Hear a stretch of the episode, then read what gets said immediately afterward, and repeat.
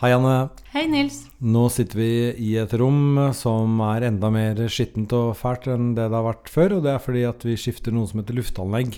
Og da er vel spøkelsene litt misfornøyd? Det tror jeg. Jeg tror de har forsvunnet med all oksygen. Fordi vi har ikke hatt luft på tre uker. Og det merker man altså. Jeg, jeg tror jeg klarer å jobbe sånn en halvtime, så får jeg bare vondt i hodet. Ja. Så luft er viktig. Mm. Har du hatt det fint? Jeg har hatt det fint. Jeg har jo vært og sett på han Aksel Lund Svindal og han Kjetil Jansrud i helga. I uh, året? Ja, Var det var jo artig. Var det kult, da? Det var jo veldig artig, men det var jo dårlig vær, så vi var jo spent på om de kom til å starte i det hele tatt. Men er det særlig mange mennesker som går og ser på sånt, egentlig? Ja, masse folk. Masse nordmenn. Ja, ok. Ja, men altså var det sånn 15 000? Jeg har ikke peiling. Det snødde jo sånt, jeg klarte ikke helt å se meg rundt, men det var nå stappfullt. eh. Jeg sto på tribunene. Smugla du mye? Om jeg Smugla du mye? fra Sverige Ja, det gjorde du jaggu. For jeg ser du blunker. Jo. Jeg vet jeg er så ofte i Sverige, for jeg har jo hytte ved Sverige. Ja. Jeg trenger ikke smugle fra Sverige. Nei, du trenger ikke, men du gjør det allikevel. Jo, det, men greit, vi skal ikke gå inn på det. Har ikke smugla, Nils. Nei. Men du vet at når du begynner å insinuere at noen lyver, så føler de seg skyldige. Er Men hva kjøpte du fra Sverige, da? Kjøpte ikke så veldig mye. Litt brus, litt godter. Ikke så mye. Nei, ikke sånn kjøtt. Det er ikke sånn som fyller opp liksom Nei. Jeg er der for ofte, faktisk. Ja. Det, jeg tror den eneste gangen jeg har ment at det var en god idé å liksom virkelig gjøre storhandelen på Sverige, i Sverige, så gjorde jeg det. Kjøpte alt mulig rart. Hele minien full av mat. Um, og så alt sammen i fryseren og sånne ting. Og så glemte jeg det jo i tre-fire år. Og så åpna jeg fryseren igjen og måtte kaste alt, da. Og da siden den gangen, og det er mange år siden, så har jeg egentlig aldri kjøpt noe ved grensa. Nei, prøv å begrense det litt neste gang. Det er uh, nummer 62 som vi har kommet til nå. Vi har uh, to spørsmål uh, som i og for seg vi ikke har hatt for, før. I hvert fall det ene. To veldig gode spørsmål, og vi hopper til det aller første. Ja. Da leser jeg. Hei, jeg har fått PTSD-diagnose etter en traumatisk hendelse i voksen alder. Jeg sliter med å komme meg videre, dvs. Si jeg har god kontroll på angsten, men depresjonsdelen oppleves som totalt kvelende til tider. Og jeg kjenner på et behov for å skade meg selv. Jeg er 36 år og har aldri drevet på med selvskading tidligere. Nå tenker jeg mye på hvordan jeg kan skade meg selv, samtidig som jeg må finne på en måte å kamuflere skadene på, slik at ingen skjønner hva jeg driver på med. Fordi jeg skammer meg over å kjenne på dette behovet, og at dette er noe ungdommer driver med, ikke voksne folk. Så spørsmålene er vel egentlig hvor i hermetegn normalt det er å ha disse tankene om å skade seg selv og faktisk gjøre det som voksen. Jeg vil tenke vet du, jeg vil bare si sånn først og fremst at jeg kjenner veldig godt igjen det her med skam rundt det med selvskading. Og jeg tror mange som driver med selvskading, har den skammen. Eh, og at de intuitivt kanskje prøver å skjule. Eh, og så har jo hun vært utsatt for et traume nå ganske Eller han. Ha, eller han. Ganske nylig. Og da tenker jeg at det er veldig vanskelig å håndtere, ikke sant? Eh, kanskje ikke enda fått ordentlig hjelp med det. Og det gir jo mye plager, påtrengende minner, mye mm, aktivering, stress. Sånn at dette med å skade seg, det er jo en måte å prøve å regulere følelser på. Ja, eh, det, det jeg tror det er, er Ja. at det er eh, så smertefullt inni deg at hvis du påfører ytre skade, så tar det bort fokus fra den indre smerten, og Ja. du glemmer den litt. Og det er Altså- jo det mange sier når de blir intervju, intervjua om hvorfor de skader seg. da De har jo prøvd å finne ut, og spesielt, og det er sant, det er jo i ungdomspopulasjonen det foregår mest. Og det er jo at de prøver å eh, på et vis håndtere en eller annen følelse som de syns er for vanskelig. Mhm. Så kan en jo også skade seg som en måte å kommunisere på. Altså Ja. for å få eh, omsorg, for å få sagt noe om hvor vondt en har det. Men eh, bare to spørsmål som jeg har, Ja. har der. Altså når du, du liksom eh, intuitivt eh, lurte på om det var en henne, Ja, er det fordi at kvinner er de overrepresentert på noen som helst måte når det gjelder selvskading? Ja, det er nok sikkert det. eh, Men eh, jeg tenker Det en har funnet i ungdomspopulasjoner, da, er jo sånn røftlig at fra 13 til 23% av ungdom har prøvd å skade seg en eller flere ganger. Og det er jo overrepresentert med jenter. Mm. sånn at det stemmer nok, det. Men det spørs jo også hva en definerer som selvskading. Fordi Jeg vet ikke hva du tenker på når du tenker på selvskading. Skjære Ja. seg selv i armen, Ja. slik Men- at du får arr, liksom. Ja, men det er andre måter å selvskade på. Og det er jo alvorlighetsgrader på hva en kan finne på, men du kan jo dunke hodet ditt, du kan eh, rive ut uh, hår, du kan rive negler, du kan uh, rive av hud. Uh, så det fins jo flere måter å skade seg på, hvis en tenker sånn. Og hvis en definerer det litt bredere, så kanskje en også kan fange opp noen av de guttene, da. Ja. Men, men det betyr at selvskading en At man bruker det som en slags sånn høyttaler for å drukne den andre smerten. Altså da bruker man egentlig selvskading som mange bruker rus, da kanskje. Altså Ja. Det er vel også mange som Ja. liksom bruker rus for å komme vekk fra vanskelige ting. Ja, mange av de som jeg snakker med som er selvskada, sier jo det. At det blir så utholdelig å være i kroppen sin.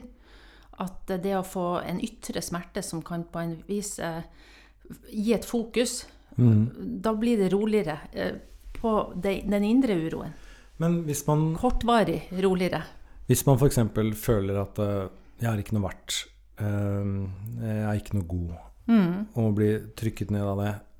Selvskading kan ikke være et sånt eksempel på at man slår seg selv fordi man fortjener det, fordi man ikke er god. Altså at ikke det handler om å ta bort smerten, men det rett og slett er eh, straff. Altså Grunnen til at jeg spør om det Jo, bare- altså, det kan du også si. Jeg, jeg tenker at hvis jeg møter noen som selvskader, så er det alltid viktig å finne ut hvilken funksjon denne selvskadinga har for hver enkelt person.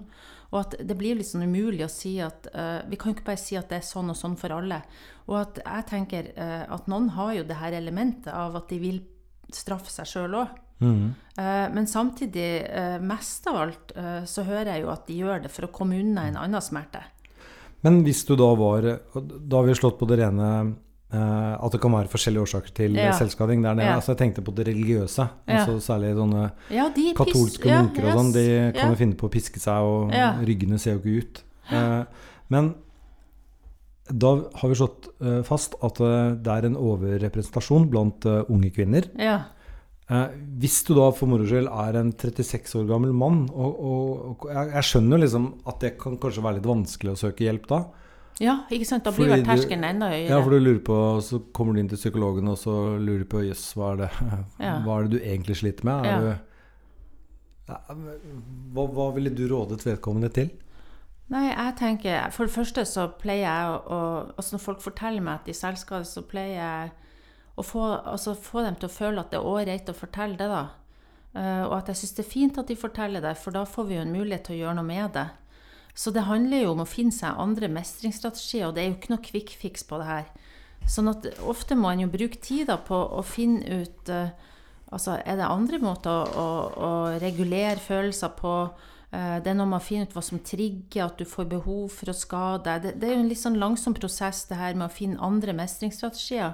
Eh, Men for mange så handler det jo om å, å kunne kanskje kommunisere litt mer utad på en annen måte hvordan en har det. Eh, Og prøve å, å, å tøyle litt. Og det er jo, det er jo sånn det er òg. Litt som med rus, som du sier, at, at, eh, at de som har fått det sånn her, de tenker jo ofte at de skal slutte med det, og, og blir jo veldig opptatt av eh, blir veldig skuffa hvis de begynner på med det igjen og sånn, men det er jo viktig å få dem eh, Oppmuntre dem til å prøve å slutte og finne andre måter, og så ikke, ikke gi opp bare for at du får et tilbakefall, da. Nei, Ja. nå aner jo ikke vi hva som har skjedd her. Nei. Men, men det, det er altså en eh, PTSD-diagnose etter en traumatisk hendelse i voksen alder.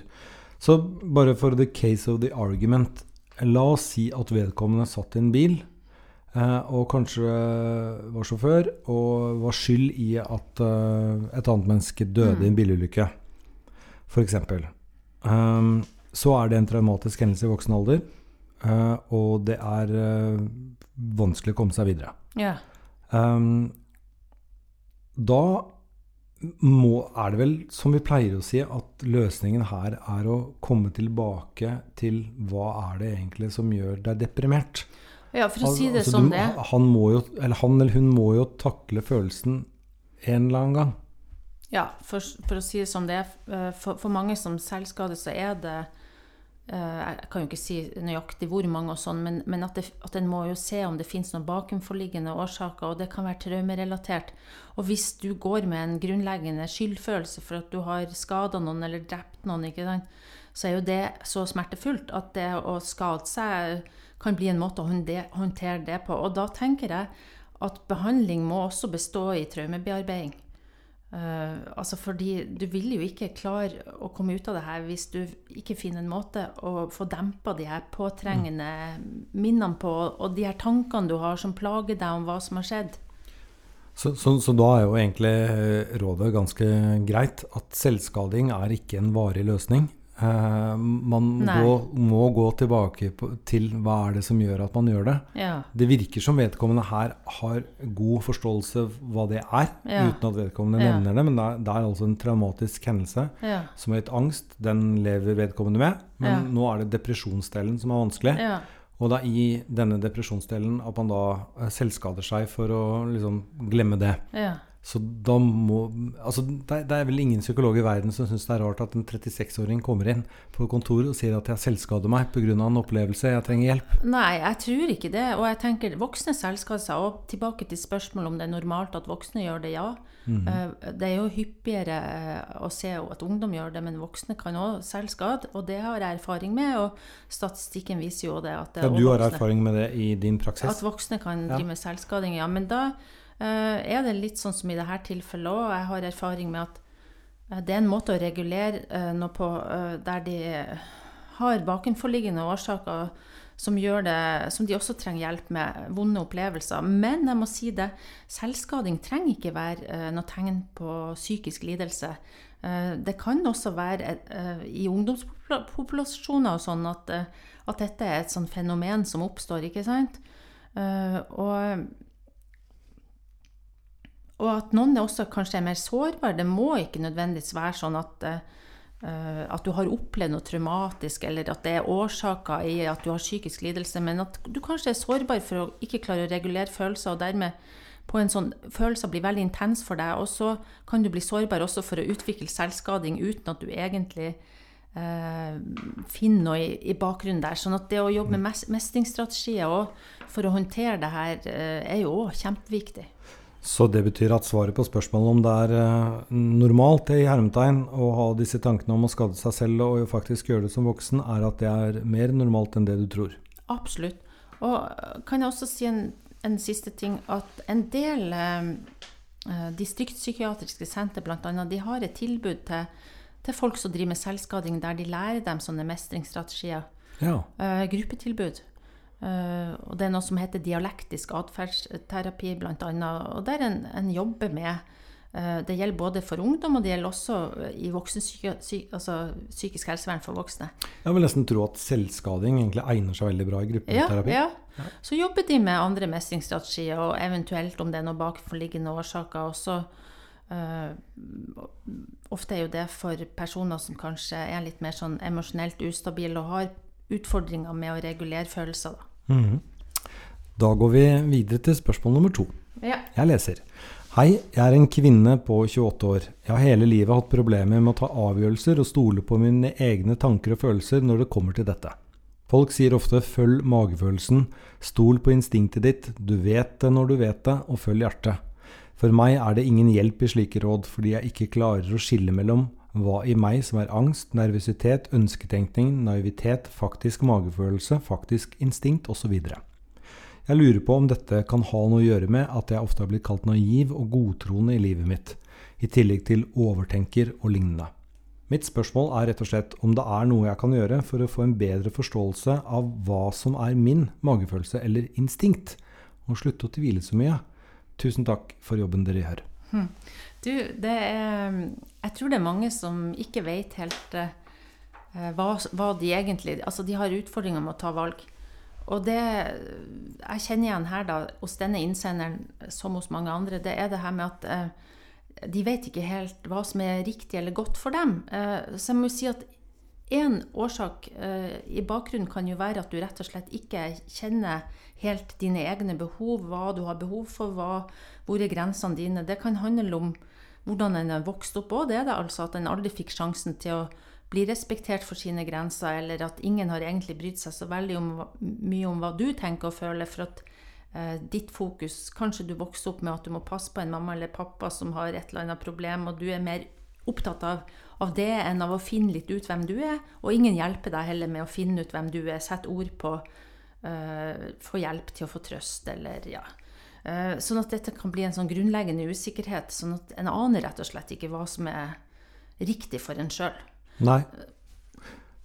For det, der igjen blir det veldig sånn Altså Hvis jeg sier eple, så er det ikke sikkert at du gjør eple. Altså Hvis jeg sier magefølelse, hva er egentlig en magefølelse? Ikke sant, Det kan jo være så mangt. Ja, Det samme som fargen gul. Altså Det eneste vi vet, er at vi ser den forskjellig. Ja. Så min gul trenger ikke være din gul, Nei. og din magefølelse trenger ikke være min.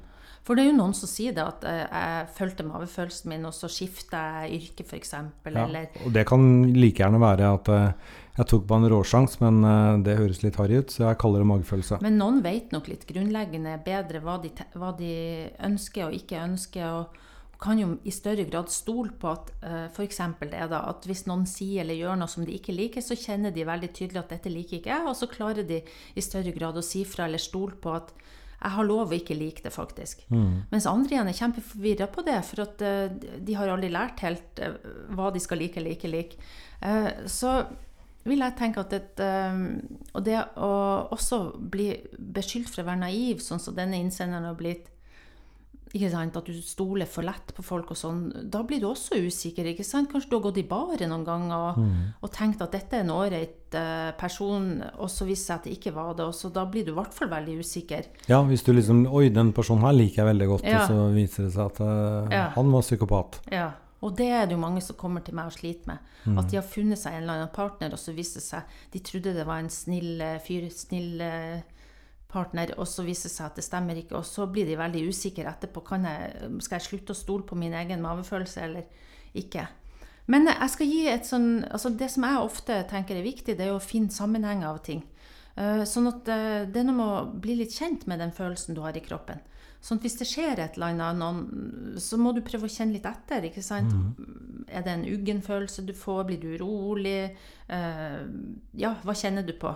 Eh, og så er det noe med å prøve å følge deg bakover i tid og finne ut om dette er noe Det kan være du har et reaksjonsmønster der du reagerer intuitivt for at du har opplevd noe før, ikke sant? Så punkt én er jo på et vis å finne ut uh, er dette noe jeg har opplevd før. Eh, det kan du gjøre på en veldig enkel måte, egentlig. For du kan, eh, når det skjer, når du kjenner denne følelsen, så kan du prøve å identifisere den i kroppen din. Og så prøve å kjenne etter om du får opp en sånn negativ tanke der. Enten om deg sjøl, eller om eh, at du er utrygg, eller kjenner deg hjelpeløs. Det kan være litt sånn tre typer retninger på det. Enten at du får en sånn følelse av negativ, at det er noe negativt med deg, eller at du føler at du ikke har kontroll, er utrygg, eller kjenner deg hjelpeløs. Og når du har identifisert følelsen i kroppen og prøvd å satt litt ord på hvilken tanke som følger med den, så kan du faktisk si til deg sjøl at ok, nå følger jeg den følelsen bakover i tid, prøver å gli bakover i tid, og så kjenner jeg etter hvor jeg har kjent på den før. Mm. Og så uh, prøv å være litt sånn åpen for hva som kommer. Og da kan det være at du oppdager at oi, eh, sånn som han eller hun oppfører seg nå, det minner meg om, om sånn som jeg pleide å bli neglisjert av eh, foreldrene mine da jeg var liten, eller oi, dette minner meg akkurat om sånn som det var på skolen fordi læreren likte ikke meg, eller Så det er noe som minner om, og derfor får du den her ubehagelige følelsen. Og så er det noe med å prøve å skille ting fra hverandre, ikke sant? og det er kjempevanskelig for folk. For hvis du har opplevd noe vanskelig før, så kan du veldig ofte i nåtid også bli øh, som på tuppa, at du reagerer veldig sterkt. Du får lav toleranse for det som før har vært vanskelig. Så du må jo finne litt ut av er det virkelig en reell fare nå, eller var det noe som hørte fortida til. Mm. Men det er alltid en fordel å vite litt eh, hva det her dreier seg om. Ja, kunnskap er makt. Ja, jeg tenker, da vet du litt mer om hva den magefølelsen faktisk er.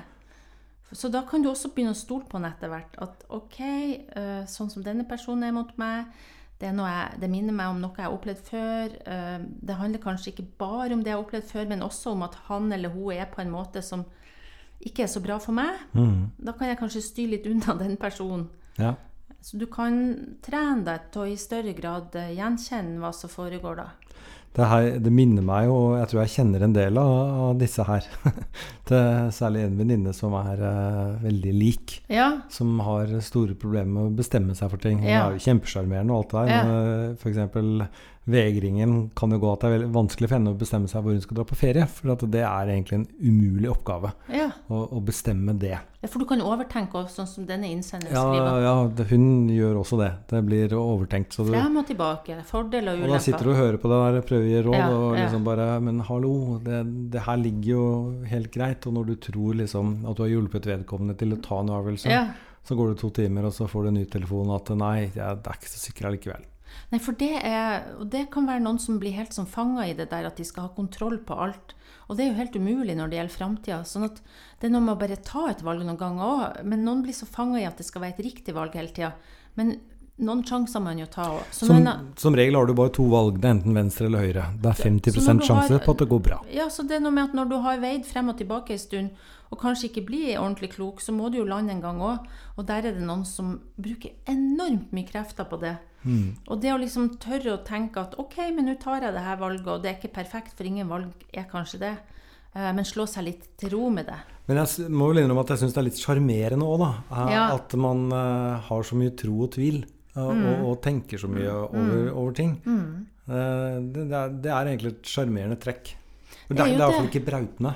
Nei, det er absolutt altså Det er jo sjarmerende, men, men det er også sånn som denne innsenderen sier. altså øh, Det er grad av hvor mye krefter du bruker på det, tror jeg. Noen Ja. blir jo innmari sliten av det, særlig når de skal gjøre viktige avgjørelser i livet sitt. Å dra på ferie øh, kan jo bli en svær ting, ikke sant? For dem er det en svær ting. Eh, Men tenk deg når de skal begynne på skole, eller velge hva de skal Altså sånn Alt blir jo et problem. Mm. Så du blir sånn stress av det. Eh, Så det er noe med å, å prøve å få hjelp med det her. Prøve å litt sånn Hun er jeg tenker på, hadde jo ikke gardiner i den forrige leiligheten sin, for hun klarte aldri å bestemme seg hva slags gardiner hun skulle ha. Så det endte med at det, aldri, det var faktisk aldri gardiner der. Nei, sånn kan det gå. Sånn kan det gå. Men har vi fått svart innsenderen litt på Jeg føler det, egentlig. Ja. Det, Eh, Jeg håper at eh, det å slutte å tvile så mye kanskje kan bli noe du får til etter hvert. Altså, jo da, det er fint å lage sånne fordel og ulempe, altså hva taler for og imot et valg eller ikke, men, men også det å kanskje bli litt kjent med eh, hvilken følelse jeg får i situasjoner, og prøve kanskje å å se om det er noe mønster der, kan jo hjelpe deg til å skjønne hva som er riktig for deg. Og særlig hvis du har noen opplevelser som gjør at dette er noe du ikke skal gå inn i, faktisk, for dette har du ikke godt av. og man trenger ikke å se om det er noe mønster her, for det er det. det. Det er bare å finne dem. Ja. Eh, Det var en litt dyp avslutning der. Eh, Neste gang vi treffes, så Ja. er det jo da nummer 63. Og, oi sånn. Og det skal da ikke foregå på dette loftet. Eh, Det skal foregå ute. Um, på en uh, bar, av alle det, steder. Blir det neste gang, Nils? Blir det ca. 14 dager til? Nei, det blir, eh, det blir, ikke neste gang, det blir gangen deretter. Men da kan jeg likevel si det. Vi kommer ja, til å være på Trondheim ja, camping, ja. som da ligger i Trondheim, som er en sånn minigolfsted. Og så skal vi ha en podkast eh, for de som orker å høre på og se oss i levende livet. Så hvis det er noen som er der uh, i Trondheim 6.3, så håper vi virkelig 6. mars klokka et eller annet. Ja, det kan vi Klokken komme tilbake til. Klokken 17-ish, 18-ish, 19-ish. Vi vi, får komme tilbake til det. Vi har jo oppretta et arrangement. Ja, og vi skal hilse på alle som kommer, og vi setter pris på alle som kommer. Vi setter pris på alle som kommer, og du skal hilse på alle som Jeg, kommer. sier, jeg setter ekstra pris på alle som kommer, så jeg Ja. skal hilse på alle. Ja. Men takk skal du ha. Har Ja. du noen eh, spesielle planer uh, for helgen? Helga? Nei, da skal jeg ta det litt med ro. Du skal det? Ja. Enn du, da? Uh, nei. Jeg driver og ganner all snøen som kommer. Og jeg ja, du er ikke så glad i snø? Nei, jeg er ikke det. Og nå må jeg grave fram bilen, fordi Ja. den skal på EU-kontroll på fredag, og Ja. jeg gruer meg. Og du har ikke gravd den fram på Nei. lang, lang, lang tid? Nei, nei, nei. Men Er du god til å måke snø? nei. Lykke til da, Nils. Jeg pleier å holde i tre minutter, så må jeg inn og drikke kaffe. Så Ja, det tar utrolig lang tid. Ok, men uh, da får du ha en god uh, helg og alt det der, og så snakkes vi snart igjen. Ja, vi gjør det. Hei, hei. Ha det.